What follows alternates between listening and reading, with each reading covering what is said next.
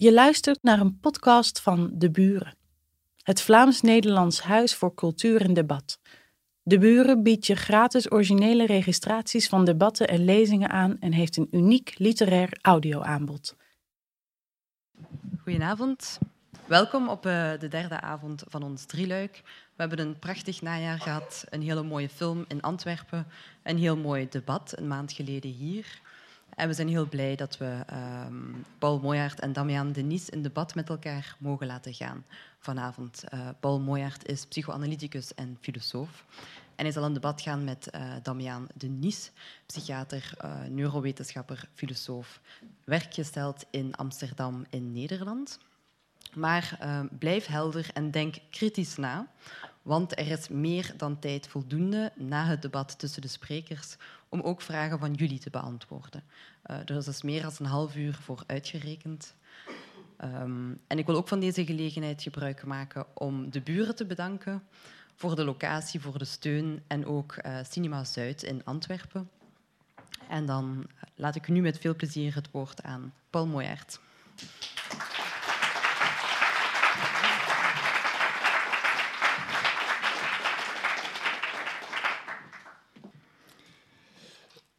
Beste vrienden, op 15 minuten, min of meer, probeer ik je iets te zeggen over mijn ongenoegen, mijn onvrede met handboeken voor psychiatrische diagnostiek.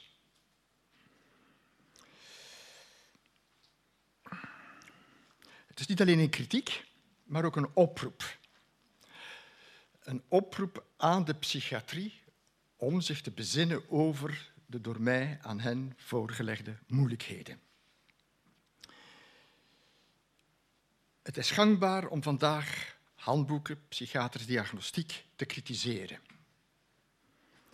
Mijn kritiek evenwel verschilt van een vaak verwoorde kritiek. En daar heb ik ook niks mee te maken, laat ik dit duidelijk maken. Een vaak gehoorde kritiek is, wij zijn tegen categoriseren in de psychiatrie. We zijn tegen hokjesdenken. Wij houden niet van labels. Met dit soort kritiek heb ik geen uitstaans. Degenen die dat zeggen, we houden niet van categoriseren, hebben daar twee argumenten voor. Eén is, categorieën in een algemeenheid kunnen het individu niet vatten. Gaan ten koste van het individuele. Dat klopt, maar die kritiek is volkomen triviaal. Want dat weten we al sinds Aristoteles, dat het algemene het individuele niet kan vatten. Ik heb daar geen uitstaans mee. Daar zit wel een positieve kant aan, dat dat een pleidooi inhoudt voor meer single case studies. Het tweede argument dat men geeft tegen het gebruik van categorieën waar ik geen uitstaans mee heb, is de volgende gedachte. Categoriale bepalingen hebben geen zin want alle onderscheiden die je maakt zijn gradueel, min of meer, plus of min. Zo is iedereen min of meer psychotisch, iedereen min of meer neurotisch, iedereen min of meer pervers. En bovendien zijn die onderscheidingen ook vaag, want die lopen in elkaar over. Dat klopt, we zijn het allemaal min of meer. Maar daaruit volgt niks.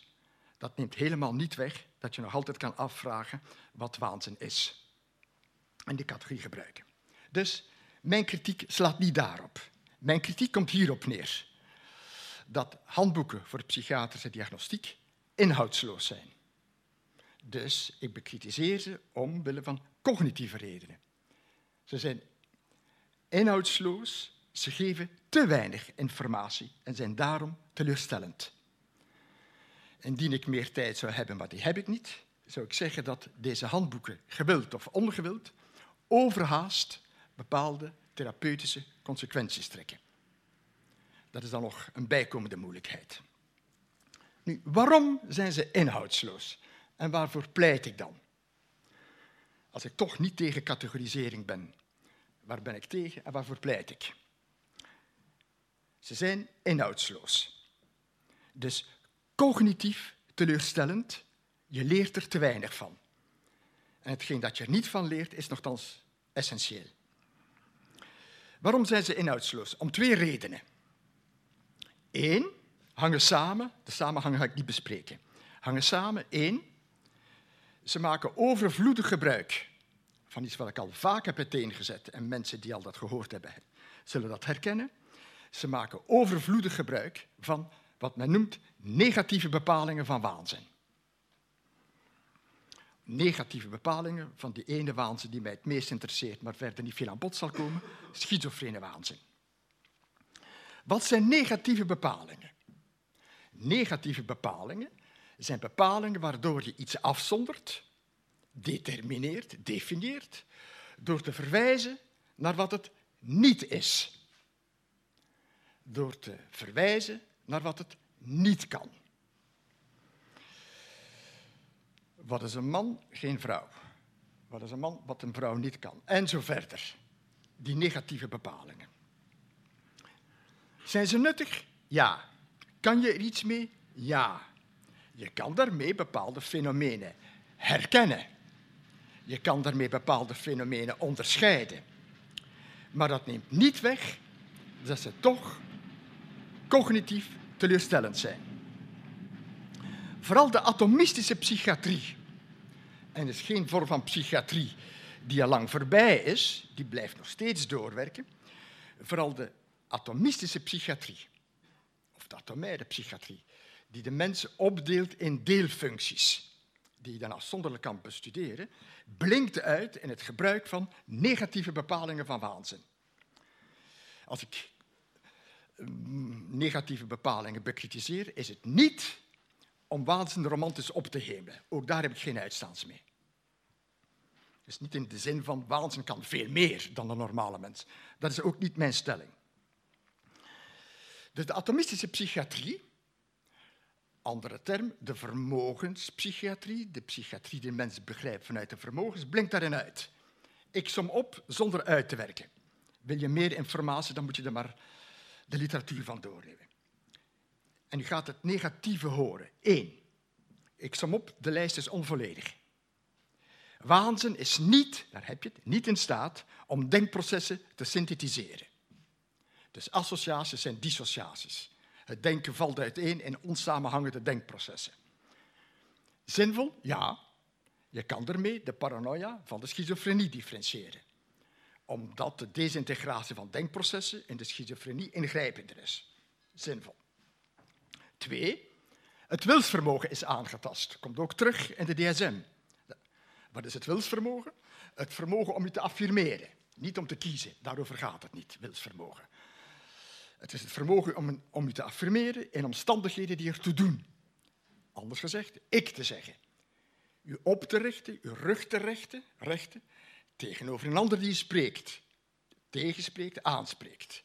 Nee, in de waanzin krimpt men één en één en dan begint het in de hersenen te spreken.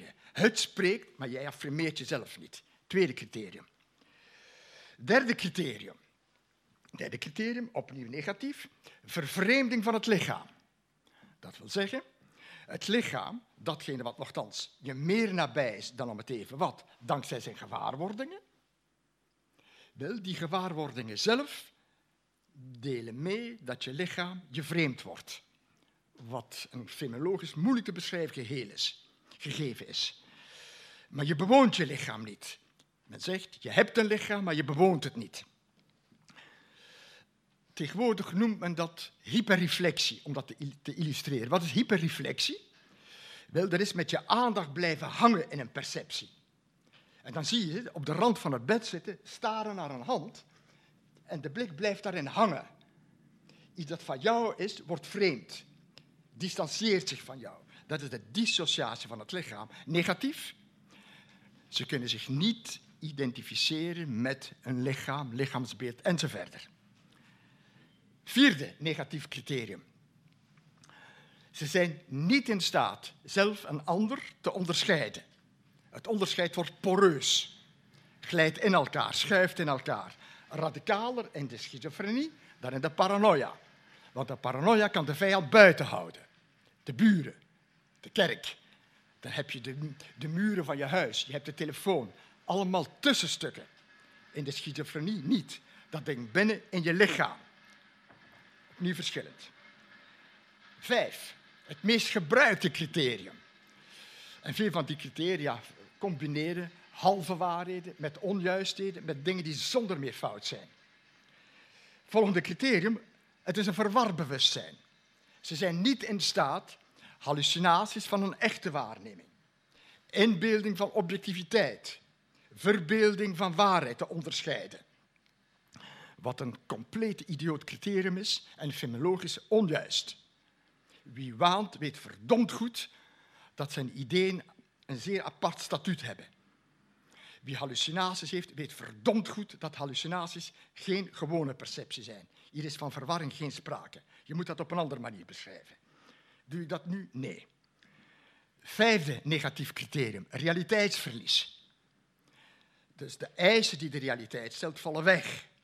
Wat zich dan extreem kan uitdrukken in autistische, mutistische gedragingen. Dan het laatste. Ook het taalvermogen, het vermogen om te symboliseren, is in cruciale momenten aangetast. Dat houdt bijvoorbeeld in, al lang bekend fenomeen, dat figuurlijk taalgebruik letterlijk wordt genomen en het letterlijk in de lichamelijke zin. Eén voorbeeld dat ik al honderden keren heb gegeven, maar het is kort en het is efficiënt. Een vrouw komt binnen na het weekend, polsen ingewikkeld, en ik vraag haar wat er gebeurd is. Mijn vader heeft gezegd dat ik een gehandicapt meisje ben. Dat soort voorbeelden. Goed. De kritiek op de atomistische, het atomistische is, de mens wordt opgesplitst in deelfuncties. Waarneming gestoord, denken gestoord, wil gestoord, onderscheidingsvermogen gestoord. De kritiek op de atomistische psychiatrie komt in de eerste plaats vanuit de psychiatrie zelf. En meer bepaald wat men dan noemt de personalistische stroming in de psychiatrie. Jaspers, Binswanger. Met rijke uitlopers daarvan de fenomenologische psychiatrie of de Dasein-psychiatrie. De personalistische psychiatrie suggereert je moet de problematiek niet begrijpen vanuit deelfuncties, maar vanuit de persoon. Daar zit het probleem. Daar valt iets voor te zeggen. De persoon transcendeert het geheel van de functies waarin hij zich uitdrukt, zoiets. Daar valt iets voor te zeggen. Maar zelfs de personalistische stromingen ontsnappen niet aan de kritiek van de negatieve definities. En dat geldt zelfs voor de Daseinspsychiatrie, die nogthans iedere psychiater zou moeten doorlopen om voeling te krijgen met de complexiteit van de fenomenen. Wat doet de Daseinspsychiatrie? Wel, de rijk geschakeerde belevingswereld van de waanzin articuleren op het vlak van de tijd, de ruimte, het lichaam, lichaamsgewaarwordingen, verhouding tot de ander, het in de wereld zijn. Zonder meer een rijkere invulling van de problematiek. Maar ook de Dasein-psychiatrie ontsnapt niet aan de overvloedige aanwezigheid van negatieve bepalingen. En in die zin schort er ook iets aan. Wat is het alternatief voor mij? Het alternatief is dat in plaats van negatieve definities te gebruiken, waanzin definieert als een problematiek. Als een problematiek waaraan men lijdt, passio, een problematiek die je bestookt, maar waaraan of waarvoor de persoon in kwestie een antwoord geeft. Dus niet enkel lijdt, maar reageert op. De persoon die lijdt aan een problematiek creëert ook antwoorden, doet iets met wat hem bestookt. Hoe weet je dat? Wel, gisteren, tot gisteren, ging het in zijn leven. Alleen, gisteravond is de crisis acuut geworden. Maar men weet verdomd goed dat hij niet sinds gisteravond gek is geweest geworden. Het ging al maanden, zo niet jaren, raar aan toe in zijn hoofd. Maar hij heeft wel jaren aan een stuk middelen, antwoorden gevonden om datgene wat hem of haar bestookt te beantwoorden, er iets mee te doen. Dus ik wil waanzin bepalen vanuit de problematiek, opgesplitst tussen passio en actio. Hieruit volgt, hieruit volgt dat we normaal primaire symptomen noemt. Uitdrukking van iets dat niet goed werkt, dat je dat moet omturnen in secundaire symptomen. Een antwoord op. Dat betekent onder andere hallucinaties en wanen zijn niet noodzakelijk een teken van een probleem. Ze zijn een onderdeel van het antwoord op het probleem. Waardoor je riskeert van als je die antwoorden wegneemt, het nog moeilijker maakt. Dus ik herhaal, hallucinaties en wanen zijn niet het probleem dat moet opgelost worden, maar dragen zelf bij tot de oplossing. Dat verandert het perspectief. Ik zei je, ik heb nog een paar minuten. Ik zei je dat mijn kritiek op de handboeken psychiatrie te maken heeft met het inhoudsloze. Daar zijn twee luiken aan. Het eerste luik, de negatieve definities, waar je te weinig aan hebt. Neem het volgende. Stel dat je met je zoon of je dochter bij de psychiater gaat en de psychiater zegt, ja, kijk, dat en dat en dat en dat marcheert niet goed, functioneert niet goed, de defectoplossing. Dat klopt waarschijnlijk. Maar wat heb je daaraan? Dan wil je, als je toch nog enigermate bij je verstand bent, vragen, maar wat is nu zijn probleem? Ja, ik weet dat hij niet kan denken. Ik weet dat de waarding voor zit. Ik weet het al. Maar wat is nu zijn probleem? Wel nu, zolang de psychiatrie daar geen antwoord op geeft, stelt ze mij teleur. En wat ik vraag aan de psychiatrie is dat ze dat beantwoordt. Wat is de problematiek van schizofrenie? En dan moet je naar iets anders verwijzen dan zeggen, dit en dat en dat kan niet. De tweede reden om vraagtekens te plaatsen bij die handboeken, die tweede reden heeft ook te maken met het inhoudsloze, is ze werkt met abstracties. Ze werkt met abstracties. Hier had ik de DSM kunnen gebruiken, maar ik neem aan, het publiek kennende, ziende, dat men toch enigmate vertrouwd is met hoe dat in de DSM schizofrenie wordt afgezonderd. Minstens drie criteria van een paar maanden enzovoort. Abstracties. Let op, met abstracties bedoel ik niet dat de categorieën abstractie maken van het individu. Nee. Als je categorieën gebruikt, maak je altijd abstractie van het individu. Nee, abstractie in een andere zin, namelijk dat ze de innerlijke samenhang van de opgeleiste symptomen niet geeft. Dus hiermee raak ik een zeer eenvoudig kritiekpunt van de handboeken. Wat gebeurt er? Je krijgt een opsomming. Een opsomming is een nevenschikking. Wat je niet krijgt is, hoe hangen die symptomen samen? Wat is de innerlijke samenhang? Anders gezegd, waarvan zijn ze de uitdrukking? Wat je dus niet hoort, is de essentie. Maar essentie moet je niet gaan denken met de kennis die je hebt van de filosofie aan Plato, een, een werkelijkheid met vaste eigenschappen. Nee, je kan essentie denken zoals Spinoza dat doet. Een dynamische werkelijkheid die zichzelf uitdrukt. En vorm geeft aan zichzelf door zich uit te drukken. Dus de innerlijke samenhang krijg je niet. Dat zijn nu precies de problemen waar de steeds nieuwe edities van die handboeken mee te kampen hebben. Die problemen zijn al gekend sinds Kant. Ze leiden aan de kwalijke gevolgen van een slecht empiricisme. Wat zegt men? Ja, die symptomen zie je meteen. Maar wat er gebeurt is een nevenschikking.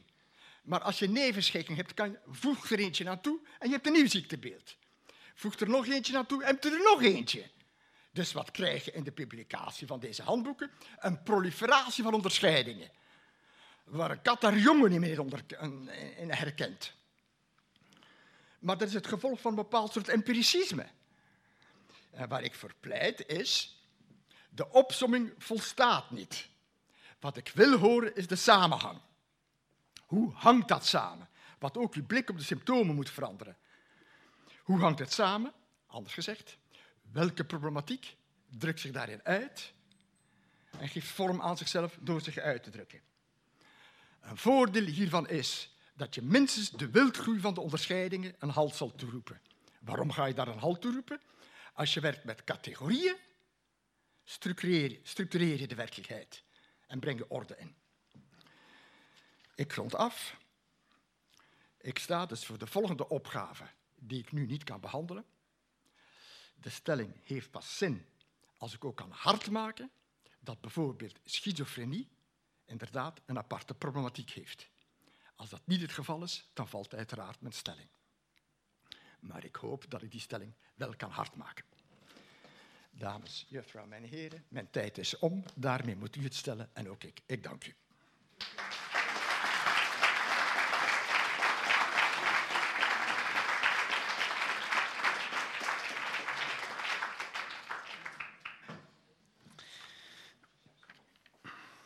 Dank u wel voor de uitnodiging.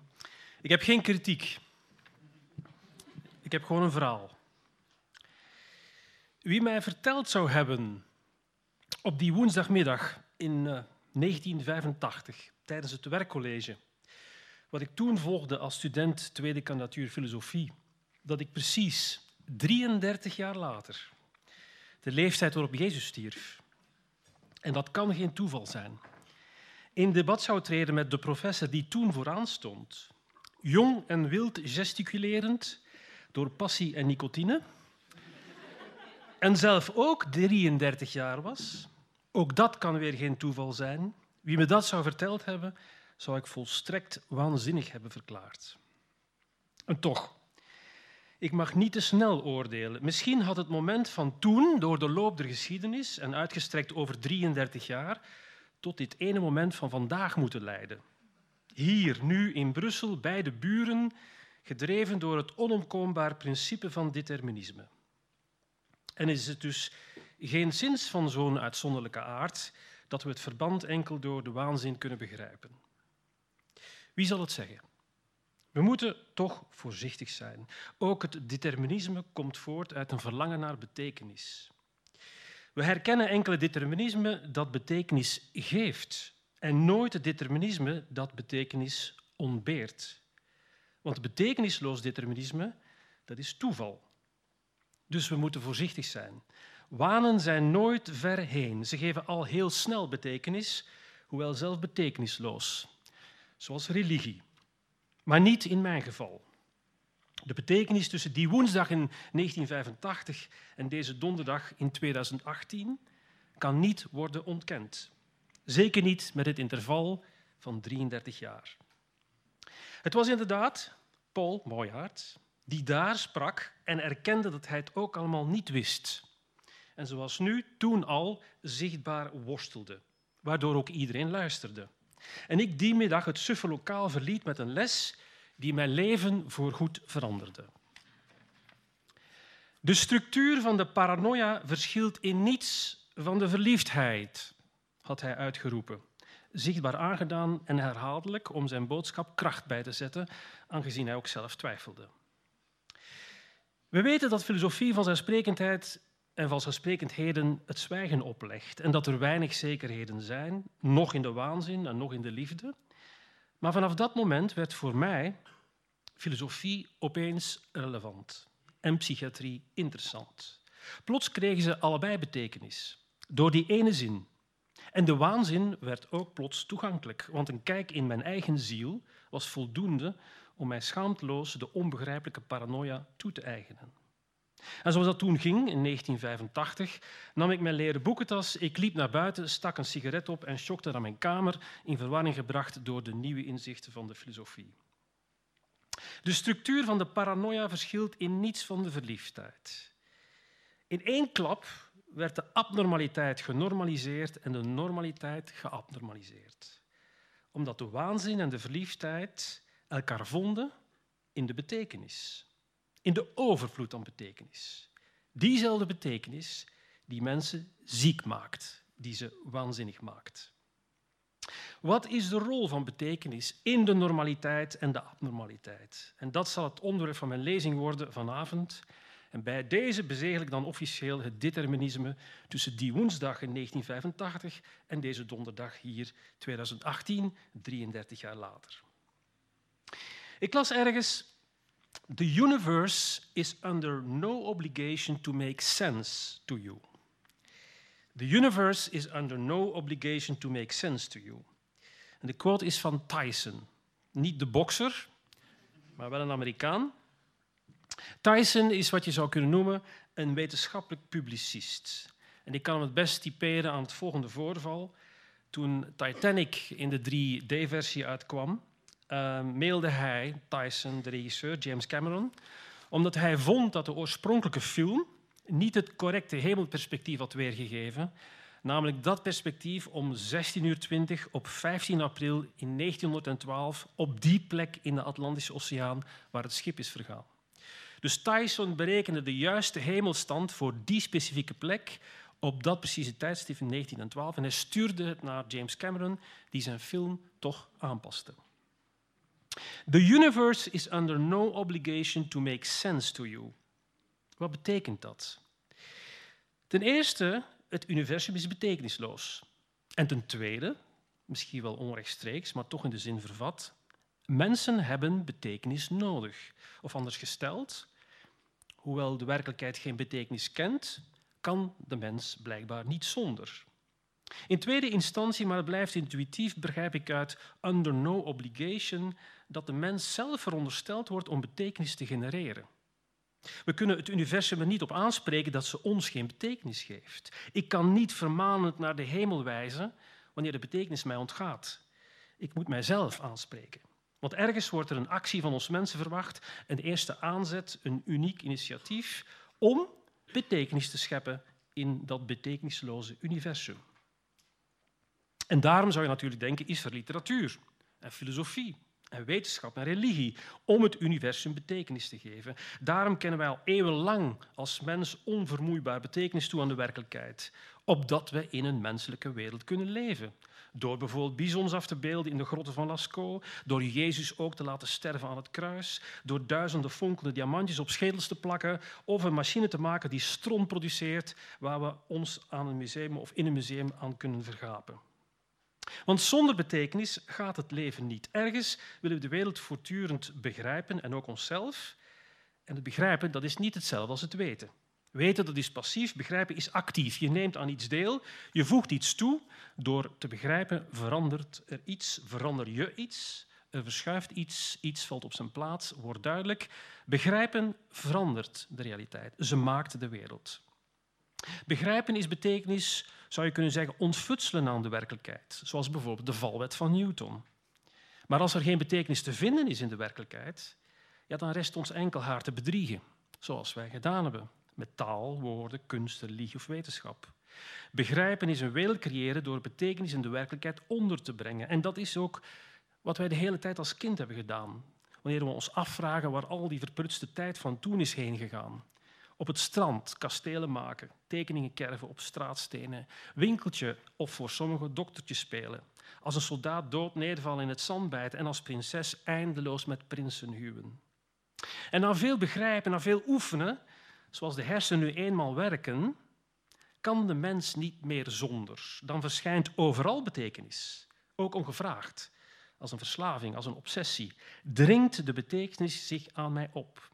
Mensen willen begrijpen, maar moeten ook begrijpen. In toevallige reeksen getallen willen we patronen zien. Achter de onverklaarbare, schuil, uh, onverklaarbare gebeurtenissen schuilen complotten. In willekeurige wolken ontwaren we kabouters. In toevallige rotsformaties herkennen we beren. Stemmen die achter mijn rug spreken worden gevat als juwelen in waansystemen. Want er mag geen toeval zijn. Wij aanvaarden de betekenisloze dood niet na een betekenisvol leven. Marilyn Monroe is vermoord.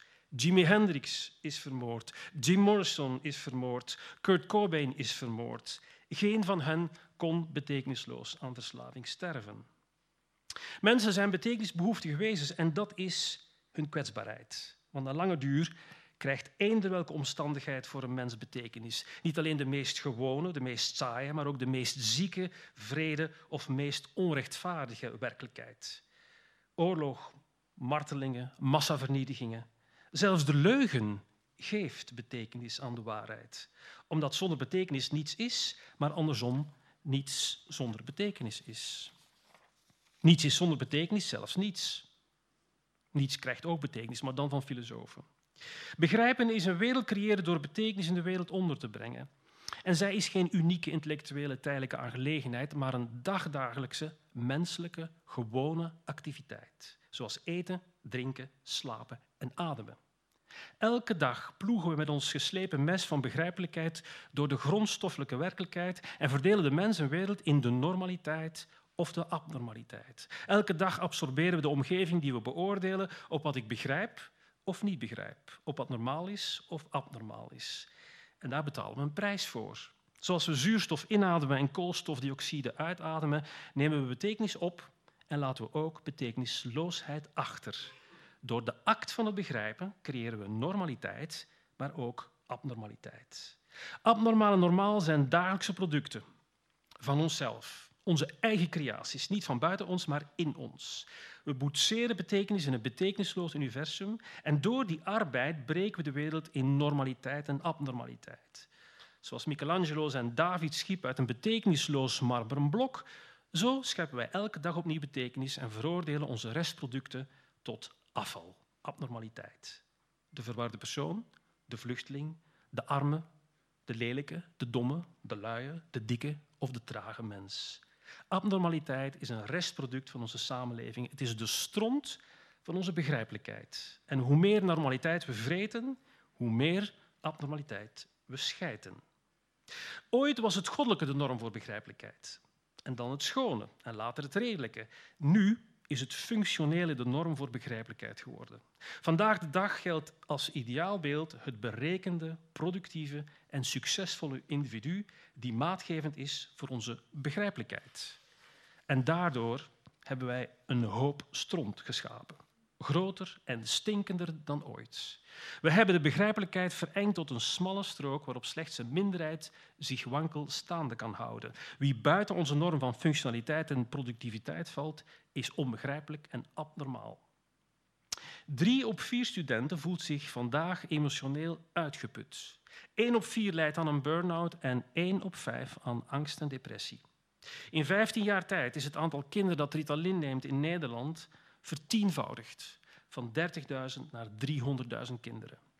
Enkel als ze op school zijn wordt Ritalin genomen en zelden of bijna nooit tijdens vakanties op vrije dagen, wanneer ze kinderen kunnen zijn zoals ze ook werkelijk zijn.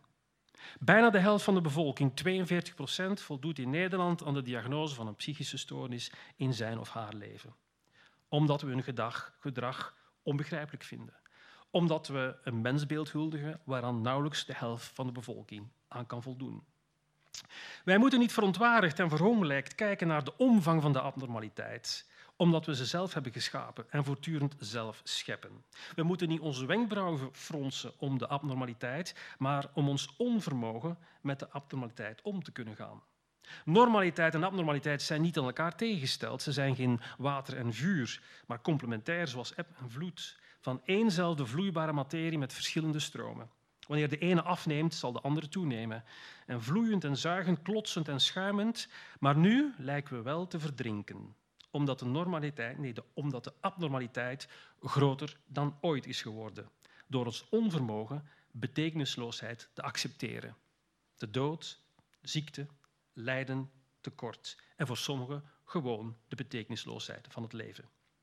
Gelukkig kan de mens betekenis genereren en vervangt hij het drama van de betekenisloosheid met de tragedie van de betekenisvolheid, met de driftmatige betekenis van de waanzin. Dank je wel.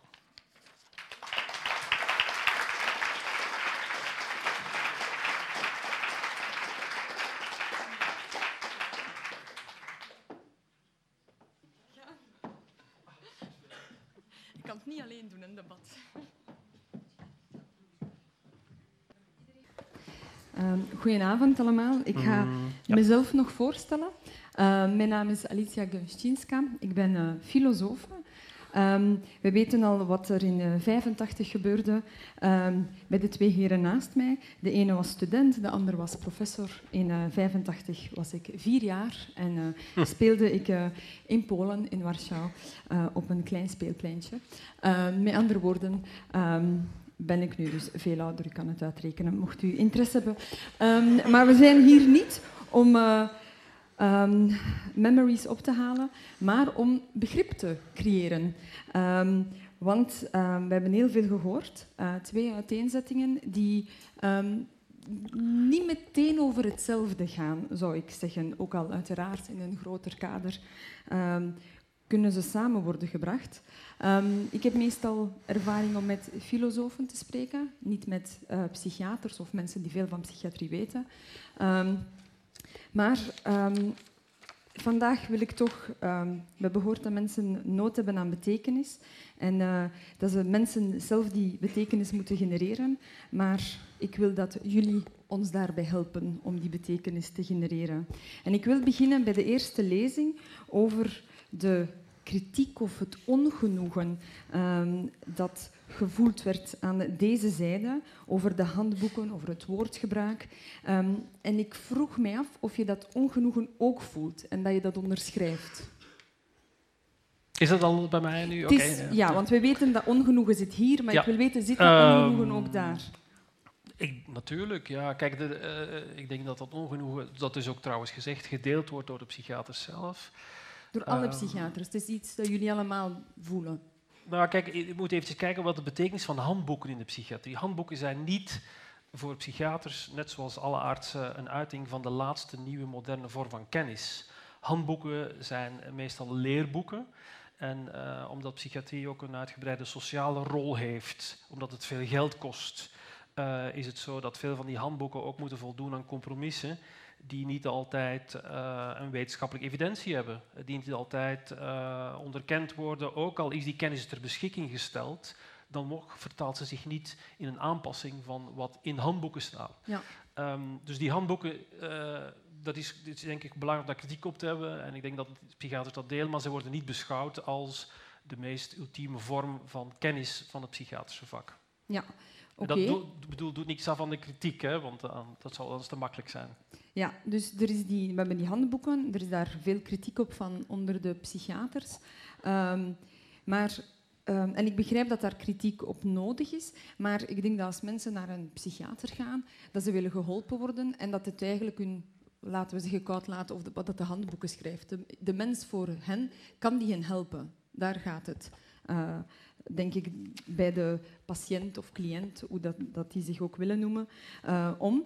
Um, nu, uh, in de filosofie, laten we het zo zeggen, de ene kan een ander gedachtegoed hebben dan een ander. De ene zal iets meer liberaal of de andere iets socialistisch interpreteren. Maar samen een beleid, hè, ondanks de verschillen, kun je een beleid voeren. Sommigen doen dat goed, anderen doen dat niet goed. Nu vraag ik mij af, je hebt die handboeken, je hebt die problemen met die negatieve definities, maar kan je um, de patiënt daardoor minder goed behandelen? Ik heb daar niks over gezegd. De kern van mijn uiteenzetting was: leg uit waaraan iemand lijdt als hij aan schizofrenie lijdt en hoe hij zich verweert. Wat hij onderneemt om zich staande te houden, wat niet altijd even goed werkt wat Damiaan zin heeft genoemd, valt daaronder, omdat ik gezegd heb, namelijk door wanen te creëren. Wanen, creëren. wanen zijn een antwoord op iets. Ik heb nog niet gezegd waarop. Dat is geen wat zou moeten komen, uiteraard. Dus als er daar een aanrakingspunt is tussen ons beiden, dat. Symptomen in de psychiatrie, anders dan in de gewone geneeskunde, wijzen niet alleen op een defect, maar op iets wat iemand kan. Dat is. Nu, therapeutisch gezien zijn handboeken zoals ik ze heb geschetst, en dat kan je natuurlijk zeggen, dit is niet de laatste kennis of de hoogste wijsheid in de psychiatrie, zeer zeker. Maar het neemt niet weg dat er een bepaald therapeutisch ideaal mee verbonden is, waar ik ook niets heb over gezegd. En wat is dat? Stel dat je de atomaire psychiatrie volgt, herstel de functie die niet goed werkt. Wel, ik vind, zo kom je er niet. Zo kom je er niet. Dus wat ik wel zou willen dat wat heeft hij ondernomen? Het is niet door die functies te herstellen dat het gaat beter gaan. Hetzelfde met de Dazens-fenomenologie. Het is niet door iemand dichter bij de bewoonde wereld te brengen dat het helpt. Maar eventjes op het negatieve, omdat het anders uh, het risico lopen naast elkaar. Dus je kritiek op het feit dat psychiatrie uh, voornamelijk negatief definieert. Ik denk dat er wel een antwoord kan op formuleren. Dat geldt natuurlijk voor de hele geneeskunde. En waarom is dat zo? Uh, dat is zo omdat ziekten per definities eigenlijk vertalingen zijn van dysfuncties. Uh, en daarom is elke, vrijwel elke definitie in de geneeskunde per definitie negatief. Het hart werkt niet goed. Men ademt niet goed. Mijn nieren werken niet. Mijn bot is gebroken. Die kanker doet dit en dat en dat. Dus positieve definities, die zijn er, maar die zijn ook negatief geconnoteerd. Iemand is manisch, bipolair, heeft te veel. Een patiënt met dwangklachten is obsessioneel, denkt te veel, doet te veel. Ook dan is het negatief, omdat het afwijkingen zijn van een bepaalde norm. Die norm die uh, is wel uh, moeilijk te definiëren, uh, ook al doet men daar pogingen toe. Maar elk ziekteconcept per definitie is een afwijking van een bepaalde norm. En in dat opzicht is het beschrijven van negatieve definities inherent aan de geneeskunde en het concept ziekte. Dus je hebt minder problemen met die negatieve definities? ik heb daar geen problemen mee, nee. Ah, ja, nee, ah, ja, nee, nee, nee, nee, maar goed. ik heb er wel problemen mee, niet met de geneeskunde, maar dan heb ik wel een probleem dat men het model van de geneeskunde eenduidig overplant naar de psychiatrie. Ik weet, in de psychiatrie heeft men wanen en hallucinaties als defecten, dysfuncties. Ja, ja. En wat ik verpleit is, dit is te eenvoudig. Het is te eenvoudig. Ja, mogelijk, maar het, het, psychiatrie is geneeskunde. Je kan niet zeggen dat je daartegen bent. Het is geneeskunde. Het is gewoon een medisch vak. Dat zit gewoon ingebed. Maar dan moet je de lat hoger leggen voor, de, voor die geneeskunde. Sorry? Dan moet je de, de lat hoger leggen voor de psychiatrische Nee, maar het uitgangspunt, en uh, dat zal ik misschien even meenemen. Mijn punt in mijn verhaal was dat de mens faalt omdat hij te veel betekenis geeft. Um, schizofrenie, het vervelende van schizofrenie is dat het gewoon betekenisloos is. En dat wij het lastig vinden als psychotherapeut, als psychiater, als patiënt, om die betekenisloosheid te accepteren. Voor mij schuilt de elegantie in de neurobiologische psychiatrie, zeg maar eventjes om de knuppel in het hoenderok te gooien. Het schuilt de elegantie van de neurobiologische psychiatrie in de onvoorwaardelijke acceptatie van de betekenisloosheid van het vak. Twee zaken. Uh, we gaan de, de zware psychiatrie, die u terecht wil inperken, we gaan dat domein verlaten. We gaan naar de eenvoudige problemen. De problemen die niemand graag heeft, waar ik jammer genoeg onder leid, dwangneuroses. Goed, wat ik zeg, dwangneurotische symptomen niet kunnen beslissen, niet kunnen beginnen, niet kunnen afronden, steeds opnieuw op een beslissing terugkomen, gedane stappen ongedaan maken en zo verder. Maar daarvan zou ik zeggen, dit is een antwoord. Dit is niet de uitdrukking van de persoon kan niet beslissen terwijl ze dat moeten. Het is een antwoord. Waarop is het een antwoord? En daarom neem ik dat voorbeeld om ja, ja. heel Woede. In de dwangneurose ga je om met woede. Ja. Dan nu, ik zeg niet dat schizofrenie zin heeft. Maar ik kijk naar de symptomen die de schizofrenie produceert. En een grote groep van symptomen zijn zich opsluiten, zich afsluiten. Mhm. U zegt, dit zij geven zin? Nee, ze geven geen zin. Maar ze geven wel een antwoord op datgene wat hen bestookt. Headphones, zich vastklampen aan gsm-machientjes, uh, zich terugtrekken in een in donkere, zware kledij en zo verder. Zeg ik, heeft dat zin? Ja, het heeft een functie. Mhm. En een functie in welke zin? Het doet iets met wat hen bestookt. Wel, als ik dat kan zeggen, het bizarre gedrag, want het is bizarre gedrag, daaraan relateren, heb ik al veel meer gedaan ja. dan gewoon zeggen, het zijn allemaal symptomen. Ziekte, we zijn gewoon van dat negatief te Nee, nee, absoluut. Maar je hebt heel veel gezegd nu. Hè. Om eventjes te antwoorden. Starten met de dwangklachten. Wordt er wel degelijk een onderscheid gemaakt tussen wat wij dan noemen functionele dwangklachten of affunctioneel. Het is niet zo dat per definitie elke dwangklacht eh, de expressie is van een onderliggend probleem wat nog niet te definiëren is. Het kan wel. Dan, dan, noemen we dat functionele dwangstoornis. En dan weten we dat, dat we dat niet moeten op dezelfde manier behandelen en dat je dat intact moet houden om de overlevingskans van de, van de patiënt, van de persoon, uh, te verbeteren. Want we weten dat als je die dwangklachten weghaalt en ze hebben een bepaalde betekenis en een rol, ze zijn een antwoord op iets, dat het veel erger wordt. Dan worden mensen psychotisch. Of ze vallen uit elkaar of andere dingen. In andere gevallen is het zo dat er helemaal geen betekenis is. En dan laat de patiënt wel toe dat je het compleet als symptomen ziet. Dat is één ding. Dus het, onderscheid wordt wel degelijk gemaakt, denk ik. Ehm, maar goed, dat, dat is denk ik, er is ook heel veel in de psychiatrie impliciet, denk ik. Hè. Dat is niet allemaal, de DSM is niet de reflectie van kennis in de psychiatrie, andersom ook niet. Het is toch een, een, een, denk ik, een vakgebied dat enorm rust op klinische expertise en dus niet altijd vertaald wordt in uh, expliciete handboeken of tekst. Um, het punt van die schizofrenie, dat blijf ik moeilijk vinden. En ik ga nog iets uitdagend zeggen, toch? Als zou blijken, er is nu een uh, paar jaar geleden een artikel gepubliceerd door Ripke, uh, waarbij 30.000 schizofrene patiënten zijn onderzocht. Daar heeft men een zogenaamde Manhattan-plot van gemaakt. Dat is dus, uh, men heeft het hele genoom bekeken en gekeken naar de genen die dus bepalend zijn voor het ziektebeeld. en eventjes terug naar die betekenis. Het gen dat het meest of het sterkst schizofrenie beïnvloedt. En schizofrenie is de meest genetisch overdragen aandoening in de geneeskunde.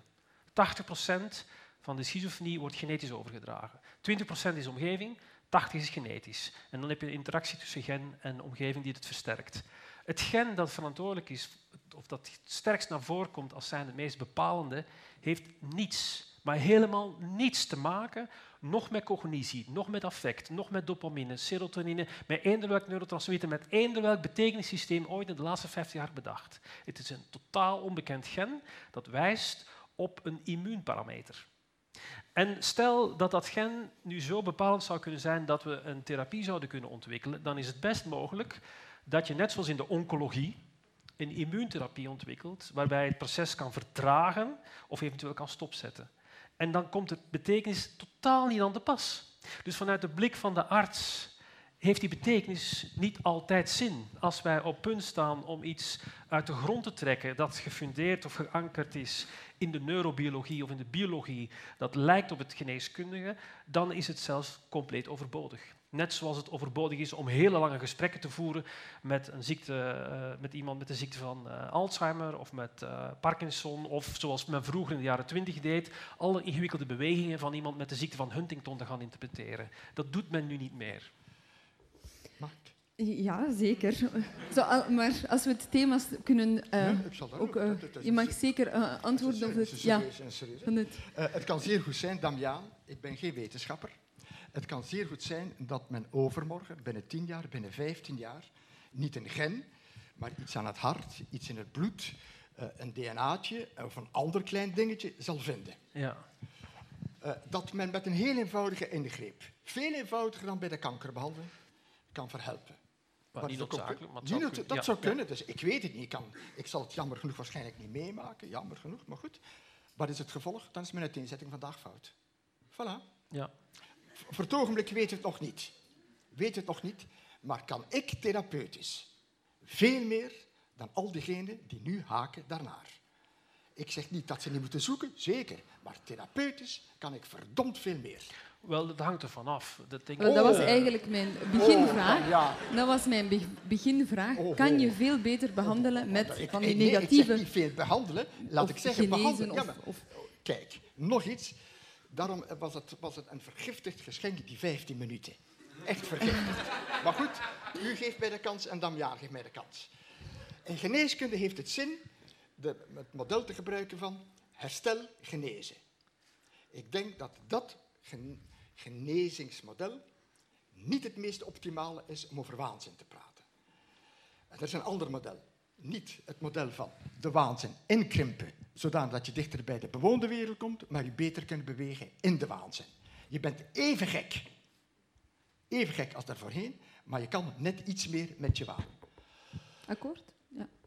Dat, Ik kan veel meer. Ik kan heel veel dingen therapeutisch onderzoeken, door bijvoorbeeld op een afdeling te kijken, wat doet die al om in die problematiek te bewegen. Ik denk eerlijk gezegd dat... De... Gewoon voor, voor ons allemaal ik was wel geïnteresseerd door de vraag, waanzin kan je niet genezen. Knikken of... Nee, dat is niet waar. Je kan bepaalde... Kijk, dat, waanzin is een heel apart woord natuurlijk. Als dat de hele psychiatrie betreft, dan is dat niet waar. Je kan zeker bepaalde aandoeningen wel genezen. Hè. Bijvoorbeeld bepaalde paniekstoornissen, dwangstoornissen zijn we, we hadden het nu over waanzin. We hadden het nu over maar wat bedoel je met waanzin? Want dat kan, is... iemand, kan, eh, kan, je van iemand die schizofrenie... Ah, ja, de psychose bedoel je dan? Bedoel je de psychose alleen? Of? De schizofrenie. De paranoia nou, Oké, schizofrenie. Nee, de paranoia niet. Maar ja, goed, dat bestaat uit ja, Maar ik denk dat, eventjes om het makkelijk, uw therapeutisch succes, wat ik u van harte gun, en uh, ongetwijfeld ook zal zijn, dat ontken ik niet, maar ik ben er zeker van dat dat meer afhankelijk is van het ziektebeeld van de patiënt dan van uw inspanningen. Met andere woorden, het, de progressie of de aard van het ziektebeeld zal bepalen of je al dan niet succesvol bent.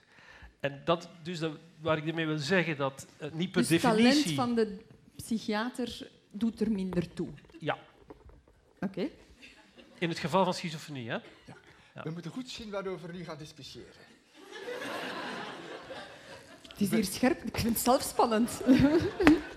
Damian de Nijs en ik, na 33 jaar, het is 33 jaar geleden. Hè? Dat is het, ja. 85, ja. Ik Wij gaan morgen samen terug in de psychiatrie, psychiatrische afdeling werken. met schizofrene patiënten. Morgen. Ja. Morgen. Spannend. Ja. En dan gaan we zien. De verpleging zit met de handen in het haar. Wie klopt, gaat er de meeste therapeutische voorstelling kunnen doen nadat hij goed heeft geobserveerd en geluisterd met betrekking tot de patiënt? Jij of ik?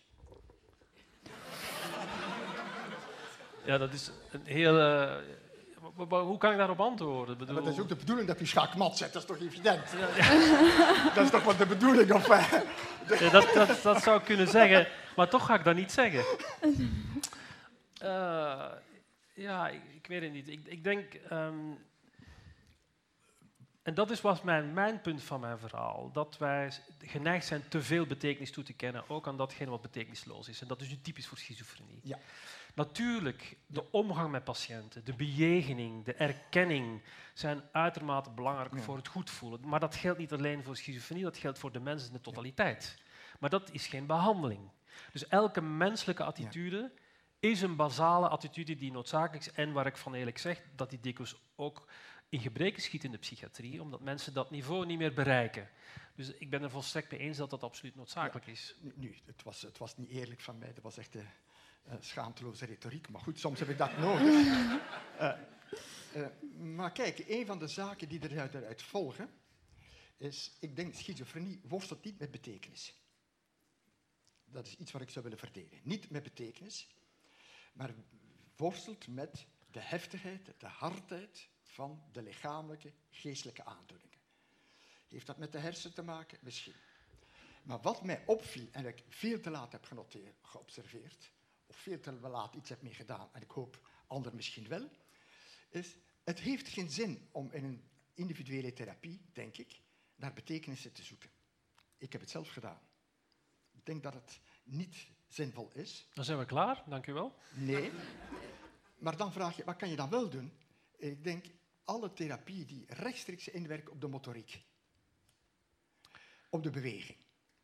En wat, wat met dat, eh, een van de redenen waarom ik daaraan denk is, in een beter momenten, sommige patiënten wiebelden in de hoek, net zoals autisten dat deden. Ze waren niet autistisch. Het was minder rigide, het was soepeler.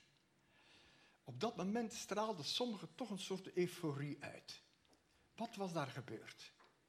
Dat is niets anders dan een betere motoriek. Ja, wat heb je daaraan? Heel veel. Dat wil zeggen dat je zou moeten proberen. Is het su- succesvol, dan moet blijken. Muziektherapie. Want muziek is de therapie, de kunst van de beweging. De bewegingstherapie. Ook de verbale therapieën zijn niet zinvol omwille van de inhouden, maar dat ze zelf een soort ritmering brengen. Goed, houdt iemand daar erop schizofreen te zijn? Nee. Nee.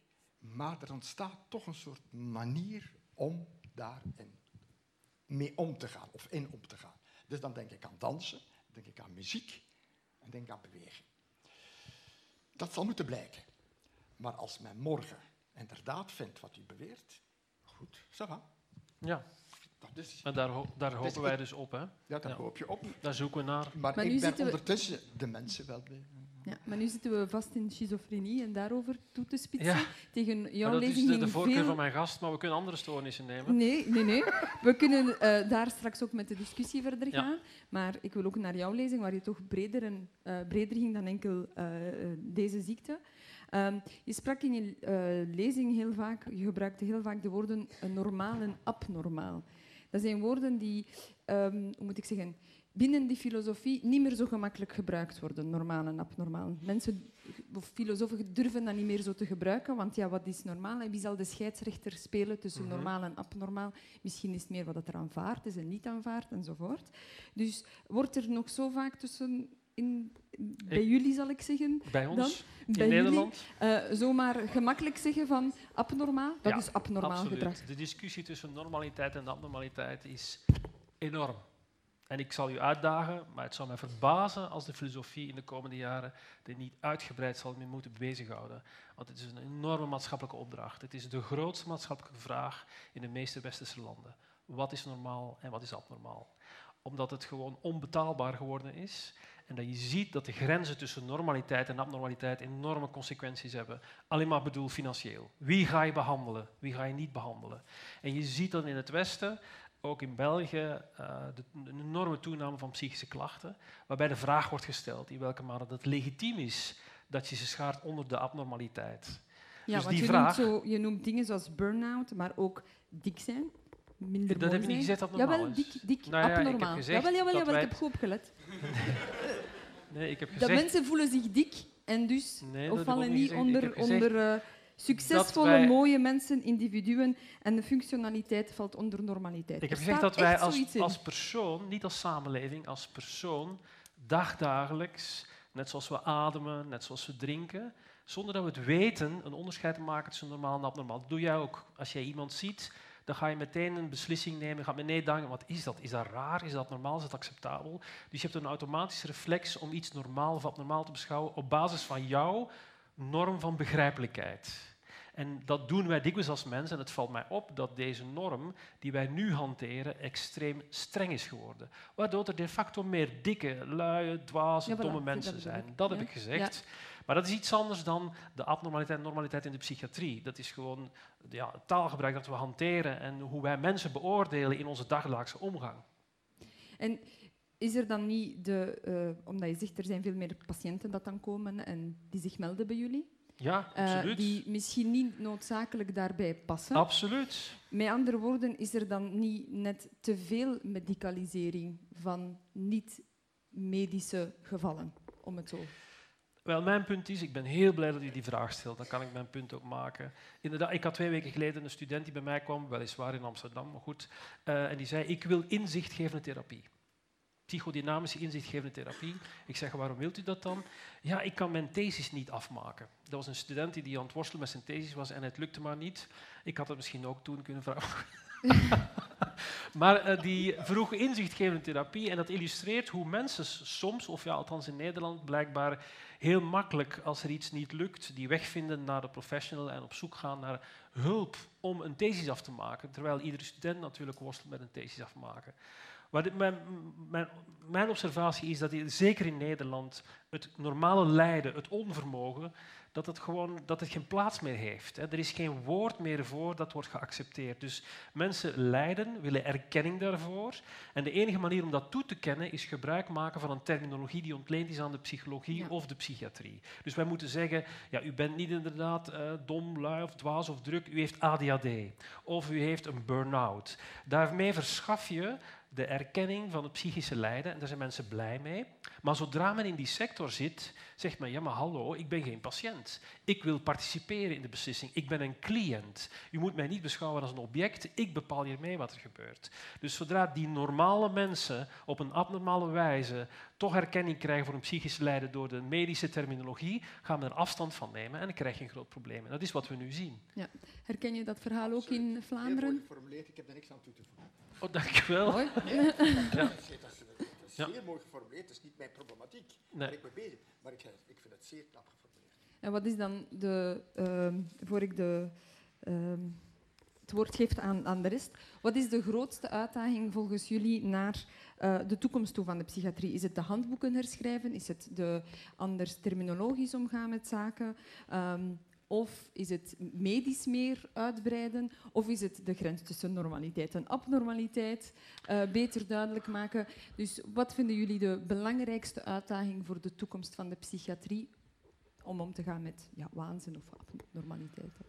Nou, ik denk die normaliteit, opnormaliteit, dat is echt een ding. Dat zit eh, in, in het beleid. Dat, is een, eh, dat wordt bediscussieerd in Nederland in de Tweede Kamer, wat normaal en abnormaal is. Dus ik ben er zeker van, en dat is een oproep aan de filosofen, blijf dit doen. Dit wordt een onderwerp waar eh, stukken zullen over geschreven worden. Het is inderdaad lastig. Eh, normaal en abnormaal kan je niet zomaar scheiden. Maar de samenleving vraagt dat wel. Zij eisen een dichotomie.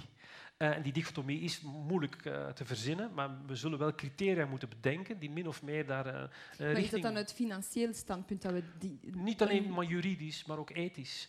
Financieel heeft het te maken... Kijk, als ik... In Nederland kost de gezondheidszorg ongeveer 6 miljard. Als ik de prevalentie van psychische stoornissen door de criteria te veranderen in het eh, gehate handboek eh, iets zou wijzigen, dan kan ik dat terugbrengen, de prevalentie van 40% naar 30 of 20%. Dat betekent een bezuiniging van 3, 4 miljard. Dus uh, zo, zo, e-, eenvoudig is het. Dat, dat, geld staat voor een bepaalde zorg die geleverd wordt aan een bepaalde groep mensen. En die bepaalde groep mensen die voldoen aan criteria die we zelf verzonnen hebben. Die kan je hoger of lager maken. Um, maar ook ethisch in de zin van euthanasie de, de euthanasie is, uh, zoals in België en Nederland, gewoon volkomen acceptabel. De vraag of dat normaal of abnormaal is en wie daar moet aan voldoen, wat de wilsbekwaamheid is om daaraan te voldoen, dat zijn heel relevante vragen. Dus het is financieel, het is ethisch, juridisch. Steeds meer forensische casussen waar men de vraag moet stellen van ja, is dit normaal of abnormaal? Wanneer iemand een act pleegt, moet je een straf krijgen of moet je behandeld worden? Uh, Anders Breivik is een mooi voorbeeld. Is dat normaal of abnormaal? Ja, dat is heel lastig vast te stellen. Er zijn steeds meer gevallen die zich op de grens bewegen. Dus ik, ik denk echt dat dat een enorme uitdaging is. Niet alleen voor de psychiatrie, maar voor de samenleving. Nee, voor, voor de samenleving. Ja. Uh, ik zit niet in het beleid, anders dan uh, Damiaan. Ik heb er ook geen enkele invloed op. Uh, wel zou ik willen terugkeren naar mijn pleidooi en aan de psychiatrie vragen, jonge psychiaters die dit initiatief hebben genomen, die kennelijk nood hebben aan dit soort initiatieven, dat ze de uitdaging aangaan om wat op het eerste gezicht een willekeurig samenraapsel is van symptomen. Waar het niet is dat ze de intuïties expliciteren, die aan de basis liggen van het bijeenbrengen van die symptomen. Ik zeg niet dat ze willekeurig zijn, mhm, ik wil alleen de intuïties horen. Um, op een beperkt domein waar ik werk. En die intuïties betekenen dat je het terugbrengt op een algemeen menselijke problematiek. Uh, schizofrenie is een algemeen menselijke problematiek, van meer en minder, maar ik zou wel weten wat die is. Dwangneurose is de problematiek van de woede. De hysterie is de problematiek van walging en seksualiteit. En dan heb je nog de problematiek van de hechting en van het verlies. Dat men datgene wat je waarneemt, hervertaalt, betrekt op dat soort problemen en zie wat de bewegingsmogelijkheden zijn. Dus het is eerder een oproep, niet, het is een oproep aan de psychiatrie. Ja. Omdat het, en van dan, dan heeft het ook single case studies van belang, ik, al, al, zou ik ook daar het belang niet van overroepen. Het gaat mij om die problematiek die aan de basis ligt. Ja. Maar ik denk, uh, wat je zegt, daar ben ik dan ook aan mijn kant volstrekt mee eens. De afwezigheid van een dynamisch, uh, begrijpelijke beschrijving in de psychiatrie is, is echt verschrikkelijk. Hè. Het zijn rijtjes. Uh, je hebt allerlei uh, dingetjes die je moet opsommen. En als die er niet zijn, dan heb je niet de stoornis. Als ze maar half zijn, een klein beetje. Maar ze zijn absoluut uh, onvoldoende ja. om inzichtelijk te zijn. Dus dat, dat is, is het, ja? het grote probleem, inderdaad. Het proble maar daar zit je met de sociale kant van de psychiatrie. dus daar zullen ziektekostverzekeraars en beleids... Ah, die zullen daar problemen mee hebben. Ja, dat moet wel samen. Maar dat is wat ik verpleit. Ja, en u pleit ervoor omdat u gelooft dat daar beter kan ah, mee Ik denk dat er ook automatisch moet je beter observeren, moet je meer analyseren. Wat is de samenhang tussen al die symptomen? Ja, ja zeker. Uh, ik pleit niet ervoor, maar omdat ik het niet kan. Ik vind niet dat je naar oorzaken moet zoeken. Dat is voor de wetenschappers. Dat Damian dat doet. Andere neurobiologische psychiaters, die moeten naar de oorzaken zoeken. Maar het is niet omdat je naar de oorzaak zoekt, dat je er niet terzelfde tijd de interne mechaniek Psychodynamisch wordt vaak verkeerd gebruikt. Psychodynamisch wordt gebruikt voor de persoonlijke ontstaansgeschiedenis mhm. en de interne structuur. Ik heb niks met ontstaansgeschiedenis. Ik onderzoek niet hoe het komt dat iemand gek wordt, dat iemand neurotisch en dat. Nee, hoe marcheert het? En hoe kunt je de machine intern beter laten draaien? Dus ik heb niks met verklaring, ik heb wel met de interne verklaring. We gaan uh, jullie aan het woord laten, want uh, jullie hebben ook nog uh, het recht om uh, vragen te stellen en het uh, debat tussen de twee heren uh, aan te scherpen, indien dat wenselijk is. daar een man, man met, met, bril. Is er een micro eigenlijk daar rondgaat? Dat, daar. Ik, ik heb een vraag voor alle drie eigenlijk. Ehm, en dat is de volgende. Wat, wat, betekenen voor jullie de woorden, volgende woorden en zinnen? Hè? En ik zal het in drie categoriseren. Hè? Namelijk, ja, uh, I never promised you a rose garden. Mevrouw Rijchman-From en de mythe van Narcissus. En ik, ik stel voor uh, dat uh, meneer De Nijs eerst begint, hè, om de rollen eventjes om te keren. Ik snap de vraag niet. Wel, Sorry, de, de, de, de vraag niet? Wel, het is een naam van een boek. En is wat, dat wat u weet? Of? Ja, Allee, dat is een, een vraag, ja. wat betekenen... Een soort van kennistoetsende vraag? Of, een eh, kennistoetsende, ja, een kennistoetsende vraag, ja. Oké. ja, nou ja, En, en het is een titel van een boek, is En het het, ga- verfilmd. het, het gaat over waanzin. Ja. Hè?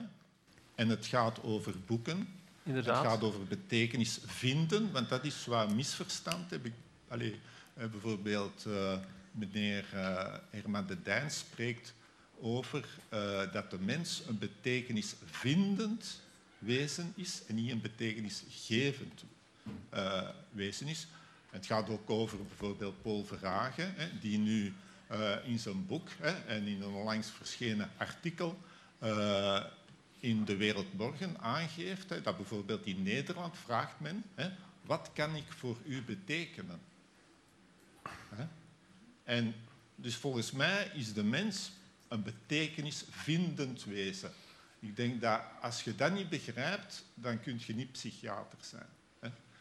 En ehm, Dus, um, de, dus om de vraag naar eh, een Ja. psychiater is een eh, mens die betekenis geeft.